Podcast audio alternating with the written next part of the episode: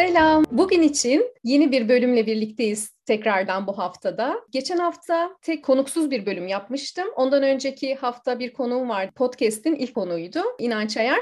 Ve bugün de harika bir konukla birlikte olacağız. Ve eminim sizin de çok işinize yarayacak bir konuyu konuşacağız. Dil öğrenme süreçlerinde alışkanlıkları bugün konuşacağız. Hoş geldiniz Rüstem Hocam. Merhaba, hoş bulduk. Rüstem Temriye ile bugün birlikteyiz. Onunla birlikte dili öğrenme süreçlerini tabii ki alışkanlıkları bir yandan konuşacağız. Bir de onun alışkanlıklarını da ben merak ediyorum. Çünkü ben onu takip ediyorum Instagram'dan. Çok düzenli, planlı ve alışkanlıklar konusunda da istikrarlı olduğunu görüyorum. Dil öğrenme süreçlerinde de alışkanlık konusu da benim için çok önemli. Güzel bir bölümle sizinle olacağız. Ama ben istiyorum ki Rüstem Hocam kendini bir tanısın. Tabii. İsmim Rüstem. Ben aslen Türkmenistanlıyım. Türkiye'ye sanırım 12 sene önce geldim. Hep şunu anlatmaya çalışıyorum. Yani ben dil becerisi olmayan ama kendi kendime 5 dil öğrenebilen bir insan olarak, bir örnek olarak o yüzden hep kendi tecrübemi anlatıyorum. Kendi yolculuğumu anlatıyorum. Sadece öğretmen olarak değil, aynı zamanda öğrenci olarak. Dil öğrenilebilir, kısa sürede öğrenilebilir. Önemli olan burada tabii ki sizin de söylediğiniz gibi alışkanlıklar, doğru yöntem ve istikrarlı bir şekilde uygulamak ve gerçekten e, dediğin gibi kısa süre yani zarfında dil iyi bir şekilde öğrenilebilir, verimli bir şekilde öğrenilebilir. 20 yıllık bir deneyimim var eğitim üzerinden 20 yıldır e, öğretmenlik yapıyorum. Halihazırda online üzerinden Fransızca, İngilizce, Rusça Gerçi Rusça şu an ara verdik ama ağırlıklı olarak şu an İngilizce üzerinden eğitim veriyorum. Online 6 senedir online eğitim veriyorum. Daha önce iki tane akademim vardı. Oradan hem dil eğitimi hem e, hem İngilizce hem Rusça aynı zamanda bizim konuşma kulüplerimiz vardı. Onları şimdi bakalım online'da da aynı şekilde uygulamaya çalışacağım. Kısaca böyle. Harika, çok güzel. Hepsini de takip ettiğim için biliyorum ama dinleyenler için de bilmeyenler için de onlar da bilmiş olacaklar böylelikle. Şimdi tabii ki asıl konumuzla gelelim. Dil öğrenme süreçlerinde alışkanlıkları nasıl kullanabiliriz? Ben kendimce bir şeyler çıkarmaya çalışıyorum. Kendi sürecimden bahsediyorum. E, kendi sürecimle ilgili alışkanlıkları uygulamaya çalışıyorum. Ama bir de sizin gözünüzden dil öğrenmede alışkanlıklar nasıl kullanılır? Tabii şimdi dil öğrenmeden ziyade şimdi açıkçası dilden ziyade ben şu an bir de öğrenme öğrenmeye bayağı e, odaklandım. Öğrenmeyi öğrenmek, yazmayı öğrenmek, okumayı öğrenmek, not tutmayı öğrenmek, odaklanma odaklanmayı öğrenmek gibi bir takım böyle alt kategoriler var. Ve hepsinin ortak bir şey var aslında öğrenme sürecindeki alışkanlıklar diyelim. Dil öğrenmeden ziyade öğrenme sürecindeki alışkan, alışkanlıklar ve bunlar e, genel itibariyle zaten aynı. En önemli şey bence odak odağı geliştirmek, odak üzerine alışkanlıkları e, edinebilmek ve odak e, geliştirilebilir bir kastır aslında. En sıkıntılı durumda odak yani hocam işte oturuyorum odaklanamıyorum vesaire gibi bir takım bununla ilgili yorumları, problemleri duyuyorum. Benim bu konuyla ilgili tek e, şeyim, önerim Pomodoro tekniğini en başta kullanmak. Yani ne demek Pomodoro tekniği? 25 dakika odaklı bir şekilde hiçbir şeye bölünmeden telefonunuzu kenara atıyorsunuz ve tek bir şeye odaklı bir şekilde 25 dakika boyunca çalışıyorsunuz. Sonra 5 dakika ara ve bu şekilde 4 Pomodoro yapıyorsunuz. 4 çarpı 25. 4 Pomodoro'nun sonunda 25 dakikalık bir mola verebiliyorsunuz. Şimdi e, benim de odakla ilgili e, büyük sıkıntılarım vardı. 10 dakika bile zor odaklanabiliyordum ama bunu yapa yapa dediğin gibi odak geliştirilebilir bir kas.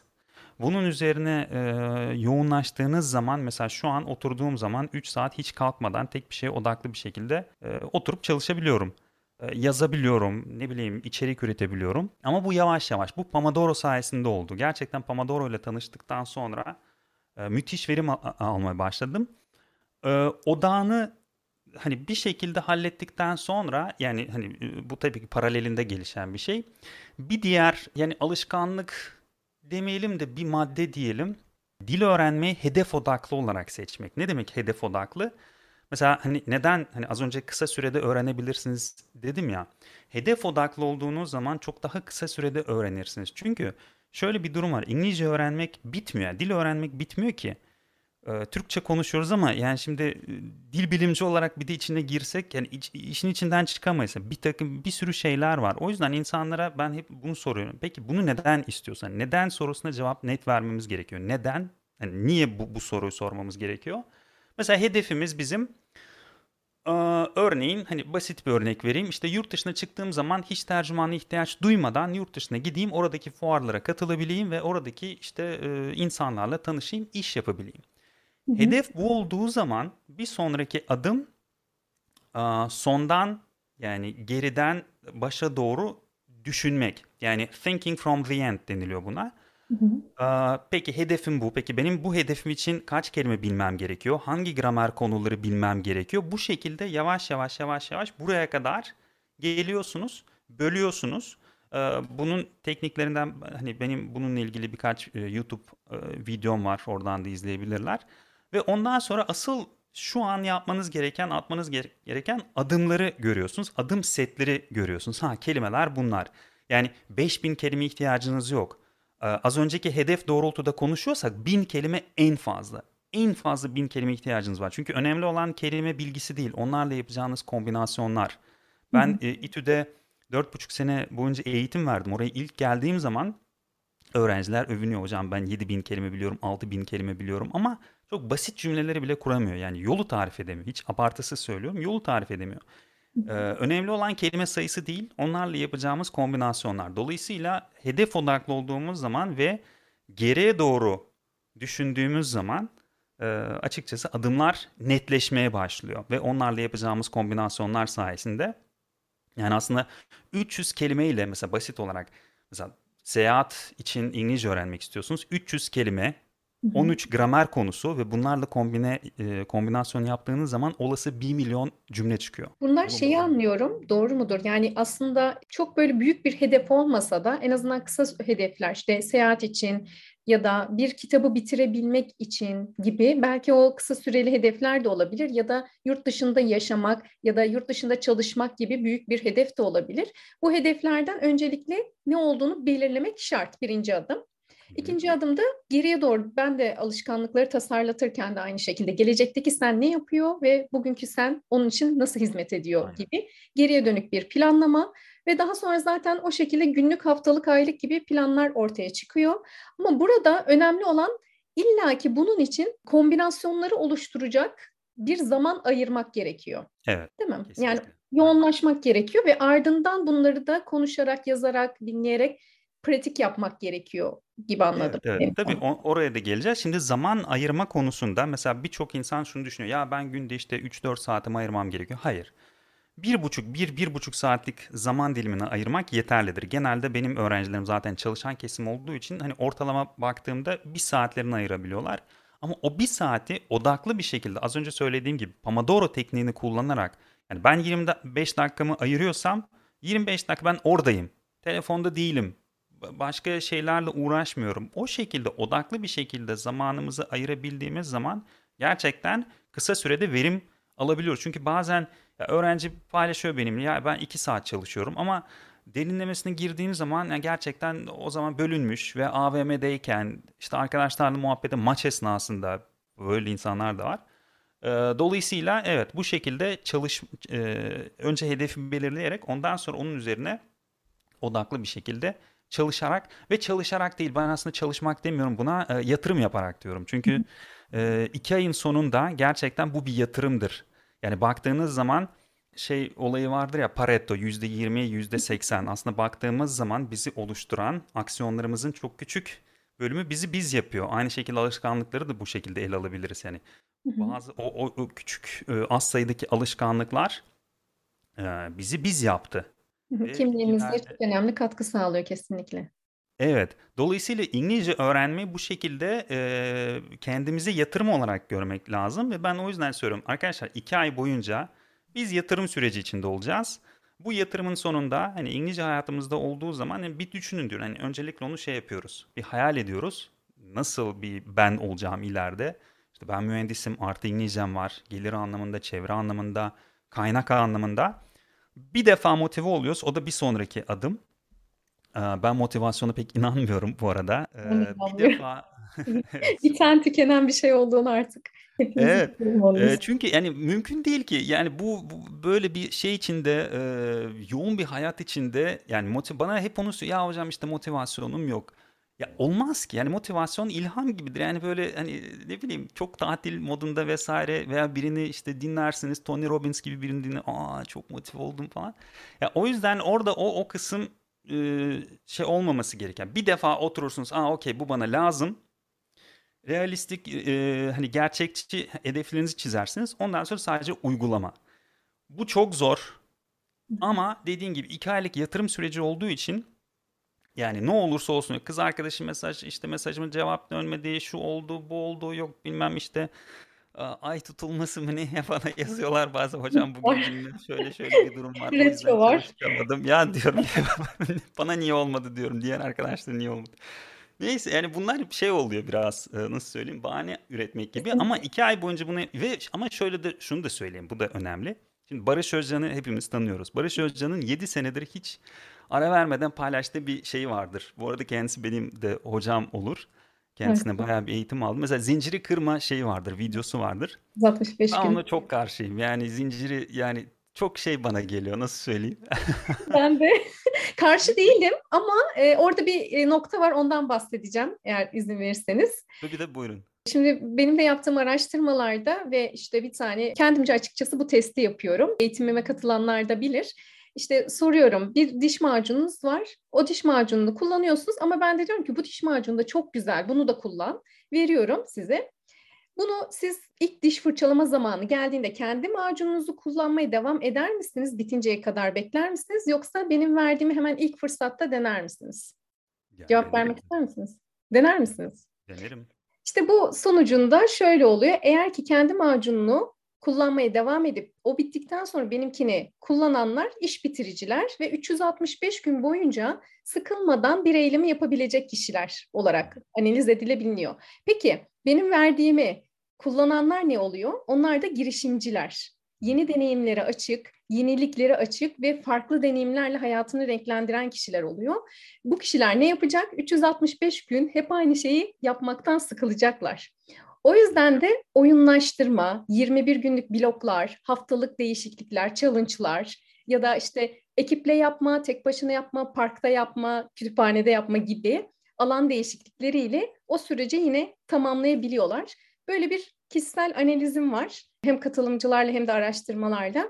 Çok iyi bir örnek. O yüzden saçma değil 365 gün ama zor bence. ya ben de Ya zor tabii ki yani şöyle bir şey var. Şimdi zinciri kırma olayı yani bana ütopik geliyor. Hani çok iyi şartlarda yaşıyorsanız hani çok fazla derdiniz yoksa evet ama yani çoğunluk o şekilde yaşamıyor. Ben mesela hani bazen ofisten eve doğru giderken trafik vesaire diyorum ki yazılım yapacağım. Şu an yazılım öğrenme süreci içindeyim. Diyorum ki tamam bir saat bende hep böyle hedefim var. Bir saat günde yazılım çalışmak. Ama eve geliyorum geç kaldım. E kızım da beni bekliyor. Ya baba gel şunun işte yıldız yapalım seninle. Gel oynayalım. Gel senin işte saçlarını tarayayım. Şunu yapayım. Bunu e ben şimdi şunu diyemem. Kızım bir dakika benim burada to do listim var. Onu yapmadan ben sana ya, ya bu, bu saçma oluyor. Yani dolayısıyla şey olayı tabii ki zinciri kır yani kırabiliriz. Bu konuda rahat olmalıyız ama ondan sonra kaldığımız yerden devam etmek önemli. Bir gün, iki gün belki ara verebiliriz ama böyle bir hafta boyunca ara vermek değil. Ara verip ondan sonra devam. Ve e, bu konuda dediğin gibi ama mesela vaktimiz var ya motivasyonum yok işte o, o başka ama yani o, o konuda orada motivasyon aramamak lazım. Çünkü mesela Ernest Hemingway adam her gün kalkıyormuş mesela yataktan kalkıyor masası da yok yani hemen yatağın orada bir tane masa gibi bir şey varmış. Kalkar kalkmaz masasını o, oraya oturuyor 2 saat 3 saat boş sayfaya bakıyor hiç fark etmez. O, o, o 3 saat ona ayırmış yani time box gibi yapmış e, zaman dilimini ona ayırıyor ve oturuyor orada. Yani ilham geldi mi gelmedi mi bir şeyler yazacak mutlaka. Yani eserler bu şekilde çıkıyor. Yani orada ilham aramamak lazım. Dolayısıyla bu bu kısım önemli. Bir diğer kısım e, hani bunlar bazı şeyler alışkanlıklar değil ama önemli olan e, dil öğrenme sürecinde önemli Hı. olan şeyler e, mükemmelliyetçilik. Mesela bizde çok var var olan bir şey. Bundan uzak durmamız lazım. Bununla ilgili bir şey paylaşayım aklıma geldi. E, Emel diye bir arkadaşım var. E, Fransızca öğretiyor ve Emel'in Fransızcası Türkçeden çok daha iyi. Çünkü Fransa'da büyümüş, e, orada okumuş, etmiş, ailede de hep Fransızca konuşuyorlar. Hatta Türkçe biraz aksanlı konuşuyor. Benim işte fiziksel ortamda eğitim verirken Emel'i hep getiriyordum, oturtuyordum, ders izliyordu ve arka taraftan benim metodumu Fransızcaya aktarmaya çalışıyordu. Hani metot inşa ediyorduk onun için. Ve ben işte oturuyorlar öğrenciler ben de bir cümle söylüyorum Türkçe. Ondan sonra onu İngilizceye çevireceğiz ve şöyle bir cümle kurdum. İşte ben şu an evime gidiyorum. Arkadaşlar yazıyorlar. Sonra diyorum ki pardon pardon ben şu an eve gidemiyorum'a düzeltelim. Ve şöyle bir ses çıktı. gibi bir şey oldu. Ben tabii buna hiç takılmıyorum. Yani sonuçta uzun zamandır öğretmenlik yapıyorum. Neyse devam ettik e, falan. Ondan sonra dersi bitirdik. Ve Emel bana şunu dedi. Ya dedi ben bu Türkleri çözdüm herhalde ya dedi. E, ya hayırdır ne oldu? Ya dedi her şeyin suçu e, şey kurşun kalem dedi. Ne alaka dedim. Ya dedi Türkler hep böyle derslerde kurşun kalemle yazarlar ya. Hata yaptıkları zaman hemen silme şeyine derdine girerler ve her şey mükemmel olmak zorunda. Biz Fransa'da hep tükenmez kalem kullanırız çocukluğumuzdan beri ve hata yaptığımız zaman üzerine çizer, düzeltiriz ve bunu hata olarak saymazlar. Yani bunun için puan kırmazlar. O yüzden sanırım diyor bu kurşun kalem olayı e, insanları bu hale getirdi. Bu tespiti ben çok beğendim. ne kadar altın... gerçekten. E, ben ama bu şeyden sonra o zamanlar dershanede de eğitim veriyordum. Çocuklardan kurşun kalemleri topladım. Ee, normal tükenmez kalem ve kitabın üzerine yazıyorduk. Direkt. Ya hocam olur mu yazamayız biz işte kardeşime vereceğiz. Hayır kitapların üzerine yazıyoruz. Ve gerçekten şunu tespit ettim. Tabii ki bunu hani istatistiklerle ölçekleme gibi bir şeyim olmadı ama onu hissettim, gördüm. Hata yapma o şeyi daha da azaldı. Sonra kendi akademimde bütün duvarları tahta boyayla boyadım. Benim orada çocuklara ders veriyorduk. Bütün çocuklara tebeşirleri verdim. Duvarları çizin. Hadi bakalım duvarları bilmem bir şey çizeceğiz. Bütün akademim o duvarlarla, o şeylerle. Ee, gerçekten bu şey e, önemli. Yani hatalara odaklanmamak. Ben mesela kızımda da bunu görüyorum. Kızım 3 yaşında. Mesela bazen diyorum işte diyordum eskiden öğrendim artık. Kızım diyorum hayırdır buraya su dök, döktün ama baba sildim. Yani sen niye o, o tarafa odaklanıyorsun? Bak ben, ben sildim. Çözüm bulundu. E, evet kızım diyorum işte bir şey yaptın buraya işte kırdın diyorum ama topladım yani hep o şeyini veriyor. Niye o tarafa odaklanıyorsun ki? Bak şeyi düzeldim ama yaptım ama iyi, iyiye bak. Orada kafama dank et ya gerçekten ya. Aslında ben ebeveyn olarak bu şekilde devam etseydim çocuğumda o olumsuz, o hep o hatalara odaklanma, ondan dolayı utanma şeyine e, odaklanmış oluyor. Dil öğrenme de biraz evet o daha fazla yani tam dediğiniz noktada. Ben de dil öğrenme sürecime dönüp baktığımda fark ettiğim şey özellikle yabancılarla çok rahat konuşuyorum ama Türklerle aman eleştirilir miyim? Aman bunu bu kelimeyi yanlış söyledim diye uyarılır mıyım? Endişesiyle ama yabancılarla konuşurken hiç çok rahatım. Daha akıcı oluyor sanki. Tabii Bununla ilgili öyle. bir şey paylaşacağım. Çok Tabii enteresan bir şey. Medium blogumda da yazdım. Bir tane uygulama geliştiriyorum. Uygulama e, AI üzerine Artificial Intelligence, bunun Türkçesi yapay zeka ile ilgili. Hı. Farklı bir çalışma var arka planda. Yani e, siz konuştuğunuz zaman uygulama sizi düzeltiyor, size işte feedback veriyor. Bu tarz bir, bir tane uygulama şeyim vardı. Birkaç senedir geliştirmeye çalışıyorum. Bir yerde tıkandım. Ondan sonra bizim çevre arkadaşlara sordum ya dedim var mı Amerika'da vesaire hani tanıdığınız bu alanda çalışma yapan? Ya dedi bizim bir tane bir kız var dediler genç bir kız. Bununla seni görüştürelim. Zoom yapıyoruz. Ee, New York'tan bağlandı. Ya kız o, o kadar ya gurur duydum gerçekten. Elon Musk'a ya bizim Elon vardı dün buluştuk falan. Ya böyle biri çok profesörlerle böyle bizim kitaplardan duyduğumuz insanlarla sohbet eden Orada 28 mi 29 yaşında birkaç şirkete danışmanlık yapan iki şirketin CEO'su yani çok çaplı baktığımız zaman ben böyle koltuğun içinde böyle zoom esnasında şey oldum yani utanarak bir şeyler soruyorum ve bana ne itiraf etti biliyor musunuz? Dedi ki ya dedi e, Zoom'un sonunda artık dedi ki ben dedi New York'ta 10 senedir buradayım. Türkiye'ye gittiğim zaman İngilizce konuşmaktan utanıyorum çünkü beni şey yaparlar diye.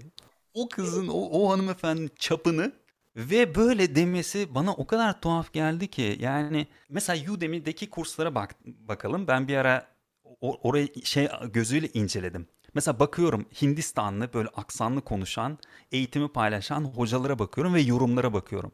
Ya kimse yazmaz mı ya ya bu ne biçim aksan işte gramerde sıkıntı var problem. Hiç kimse bunu hiç yazmıyor ama burada burada yazıyorlar.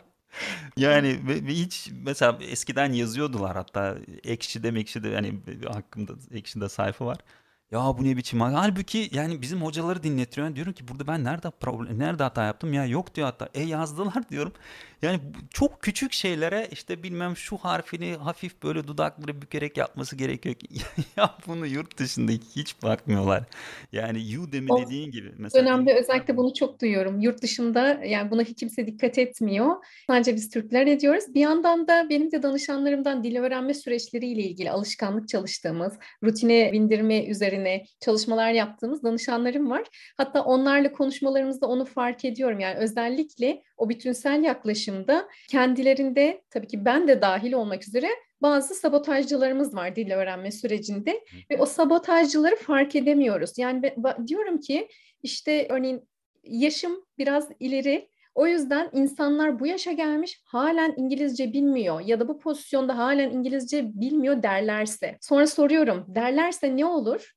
Aslında çok da önemli kişiler değil benim için ama bilmiyorum aslında bir şey olmaz. Olay gitgide aslında üstüne düşündüğümüzde o sabotajcıların tamamen öyle olursalar ve böyle olursalarla ilerlediğini görüyoruz. Aslında işte Türkiye'de de biriyle Türkçe değil de işte yabancı dil konuşmaya çalıştığımızda ha şimdi dur cümle yapısını yan, doğru yapayım, e, kurgulayayım. Yani aslında bu kısmı biraz daha sistemleştirmeye çalışma. Yani işte olduğu gibi e, aklımıza geldiği gibi değil de aman işte öznesini koyayım, yüklemini koyayım kısmına girdiğimiz anda kitleniyoruz ve gerçekten o kitlenmeden akışa giremiyoruz. Peki şeye sorayım, çalışma planıyla ilgili olarak mesela örneğin çalışanlarla siz de çalışıyorsunuz yani e, özel sektörde çalışanlar özellikle baktığımızda tabii ki kısıtlı zamanları var. Bütün gün işteler, akşam aileyle ilgilenmek istiyorlar. Sabah çok erken kalkamayabiliyorlar ama bir, bir buçuk saat hafta içi için biraz yüksek bir e, süre olarak gelebiliyor. İlla ki bir saat çalışmam gereken diyenler de oluyor. Ama işte 15 dakika baktığımda bütünü göremiyorum diyenler de oluyor. O konuda ne dersiniz? Yani gerçekten bir dil çalışma kısmında saatleri biraz daha arttırarak odaklanılmış belirli bir süre mi daha iyidir? Yoksa her gün 15-20 dakika, 10 dakika gibi daha kısa süreli ama tamamı belki de görmekte zorlanılabilecek bir çalışma düzeni mi daha iyidir?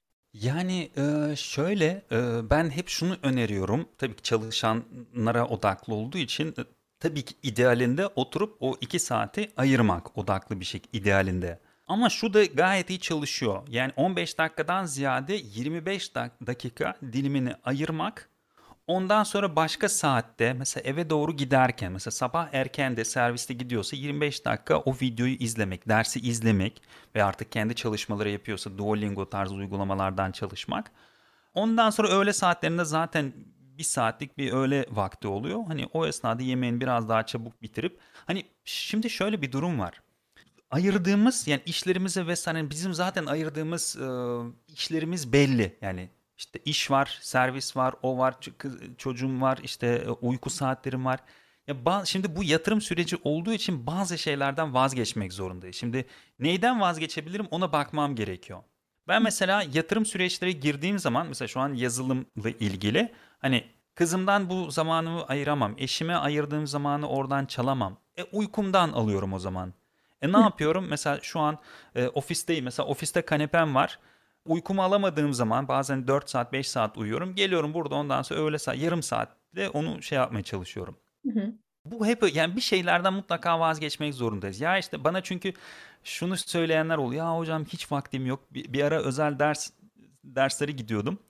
Bir ekip üç arkadaş ya hocam inanır mısın hiç vaktimiz yok işte vaktim vardı hastaneye gittim bilmem ne oldu o oldu şu oldu falan. Sonra bir anda benim artık ben de lavaboya çıktım benim varlığımı da unuttular. Ya dün maç, dünkü maç nasıldı ya işte statta bilmem ne yaptık o diye. Öncelikler. Değil mi? Ya öncelikler tabii ki ya ama yani tamam yani maç mesela benim çok fazla ilgim yok ama hani şey diyorum en azından bu süreç içinde hani ne kadar süreç mesela diyormuşum. Çünkü şey de var. Hani ben de mesela yazarak çizerek çalışmayı seven bir insanım. Yani örneğin sizin derslerinizde de baktığımız her ne kadar biri işte serviste dinlerken ya da yolda yürürken, yürüyüş yaparken dinleyebilirken ben dinliyor olsam dahi onların not alma ihtiyacı hissediyorum. Böyle öğrendiğimi düşünüyorum. Görsel anlamda da kendime illa bir şey vermem gerekiyor. Böyle olunca süre biraz uzuyor. Çünkü hem dinleme hem yazma ya da işte merak ettim a bu nasıl olur dediğimiz noktalarda iş biraz uzayabiliyor. Tabii ki bu kişiden kişiye değişen bir e, çalışma düzeni ama ben bu süreci kaç ay yapacağım ya da şey vardır. Bu düzeni ben öğrendikten sonra da devam etmeli miyim? Yoksa ne olsa bunu nasıl belirleyebilirim? Nerede bitirebilirim bu yoğun Şöyle çok güzel. Şimdi gramer yani dediğiniz not tutma olayı aslında gramerde var. Ee, onu pekiştiriyorsunuz. Ee, gramer konuları da zaten e, sınırlı. Yani şimdi baktığımız zaman, bu arada onu da söyleyeyim parantez içinde. İngilizceye karar verdiğiniz zaman ne olur gidip de DNR'da, Remzi'de hemen kitap almayın. Çok kalın kalın kitaplar var. İnsanı korkutuyor. Benim ben burada bir sürü İngilizce kitaplarım var. Sırf hani metot inceleme yaptığım için. Bazı konuları ben bile bilmiyorum. Bu arada TOEFL, IELTS sınavları girip yüksek puan almış biriyim. Yani tercüme bir, takım e, hukuki tercümeleri yapıyordum bir, bir ara ama ben bile o gramer konuları bilmiyorum. Yani o kitabı ben bitireceğim, işte şey yapacağım. Öyle bir şey yok. Bilmeniz gereken gramer konuları sınırlıdır. Yani yaklaşık olarak 30'dur. Yani temelden e, yani A1 seviyeden B2'ye kadar gelmeniz için yaklaşık olarak 30 gramer konusu var.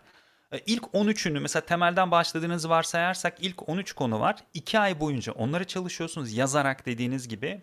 Orada biraz odaklı bir çalışma lazım. Yazıyorsanız yazarak bazıları mesela sadece dinleme yeterli oluyor. Ondan sonraki süreç, ondan sonra ben hep şunu öneriyorum. Bir iki ay derslerime gelmeyin, pekiştirme yapın. Bunu okuyarak, haberleri dinleyerek, Twitter'dan işte yabancıları takip ederek o tweetleri okuyarak, ilgi alanınız her neyse. Veya online'da YouTube'dan alanınız tasarımcıysanız tasarımla ilgili işte UI UX ile ilgili videoları izleyerek orada pekiştirin. Yani şöyle bir şey vardır. İngilizce'de aha moment vardır. Ne demek bu? Boşlukta da var. Aha anları. Öyle mi? İşte mesela bir şey öğren. Mesela can diyelim ki işte model verb'leri can, could, must, should. Ben size nasıl onları kullanacağınızla ilgili derste anlattım. İşte must şöyledir. Ondan sonra siz onu bir yerde gördüğünüz, film sahnesinde gördünüz. Must, aa bak must böyle işte bu aha moment o esna ne kadar bu aha momentlar çok olursa o kadar konu net oturuyor. Yani ondan sonrası tabiri caizse o aha momentları toplamak. Yani kitap okuyarak dediğim gibi tweetleri, tweetlere bakarak vesaire. Yani orada artık gramer çalışması yok. O yüzden ondan sonraki süreçte 25 dakika 25 dakika ayırarak bu şekilde 1-1,5 saat çalışarak daha rahat çalışmış oluyorsunuz. Ama o ilk 2 ay yatırım süreci ondan sonra zaten tekrar etmiyorsunuz. Bir de şunu da söyleyeyim. Bazıları bana şunu diyor. Ya hocam ben B2'ye kadar geldim konuları unuttum. Temelden işte size sıfırdan gel. Ya gelme. Niye niye en baştan? Yani bu konular zaten sende var. Sen bu... Ben de öyleyim. İlla baştan o mükemmeliyetçiliğin getirdiği. Hayır, yo, yo, Tekrar hayır. edeyim de geçeyim. o, o döngü hiç bozulmuyor ki. Hiç bozulmuyor bu. Bu bu, bu arada yani bu sanırım hani bizim hani milletimize hani Türkler, Türk Türkiye Cumhuriyetler işte Türkmenler, Kazaklar, Türkler bize has olan bir şey bu bir daha dön. Ya o döngüye tekrar girmek. Mesela Ruslarda öyle bir şey yok. Ben eskiden Aeroflot, e, Rusya'nın şey THY'si gibi oranın şey uçak şey markası. Hı hı. Oradaki şey insanlara eğitim veriyordum. İşte pilotlar vesaire. Hiçbir zaman bana tekrar gelen olmadı. Yani e, oradan ama burada mesela bir öğrenci hani tabii o hakkını da tanıyorum. De, farklı şeyler cenaze olabilir, taşınma vesaire olabilir, evlilik olabilir. Yani diyorum ki gelin 2 3 4 fark etmez. Ama bakıyorum yani bir tane öğrencim vardı 7 defa ya abi diyorum sen niye geliyorsun? artık gelme. Yani pekiştir niye sil baştan geliyorsun sürekli? Ya hocam işte hani bu işte bilmem şu konuda işte biraz unuttum. Ya tamam da tüm eğitimi tekrar gelmen gerekmiyor. Kitap okuyarak zaten o eski konuları e, şey hatırlamaya başlıyorsunuz. Bir de şu, şunu da söyleyeyim. Mesela ben Fransızca öğretmeniyim ama uzun zamandır kullanmadım. Ne yapıyorum? Gramer kitaplara gitmiyorum. Mesela TED konuşmaları gibi e, videolar, onların transkriptleri vardır, altyazıları vardır. Hem izliyorum hem bakıyorum transkriptlere. Unuttuğum bir konu varsa hemen o şekilde yani genelden özele yapıyorum. Özelden genele değil. Yani tekrar eğitim alayım, tekrar gramer konuları pekiştireyim, sonra TED'i izleyeyim değil. Nerede eksiklerim var? Ha burada işte İngilizce üzerinden düşünürsek edilgenlerde sorunum var. Conditional type'larda eksiğim var. O konulara bakayım. Orada kendimi tamamlayayım.